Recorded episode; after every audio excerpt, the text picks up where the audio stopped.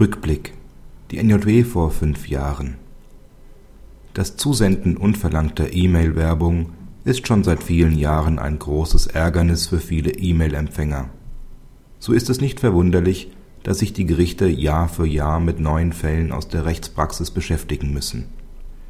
In diesem Heft zeigt Helmut Hoffmanns Bericht, dass der BGH in dieser Angelegenheit wieder aktiv werden musste. So sahen die Richter in der Klausel hier ankreuzen, falls die Einwilligung zur E-Mail-Werbung nicht erteilt wird, einen Verstoß gegen die sogenannte Opt-in-Lösung. Dieses Modell war in Umsetzung von Artikel 13 Absatz 1 der EK-Datenschutzrichtlinie durch die UWG-Novelle von 2004 in das deutsche Recht eingeführt worden.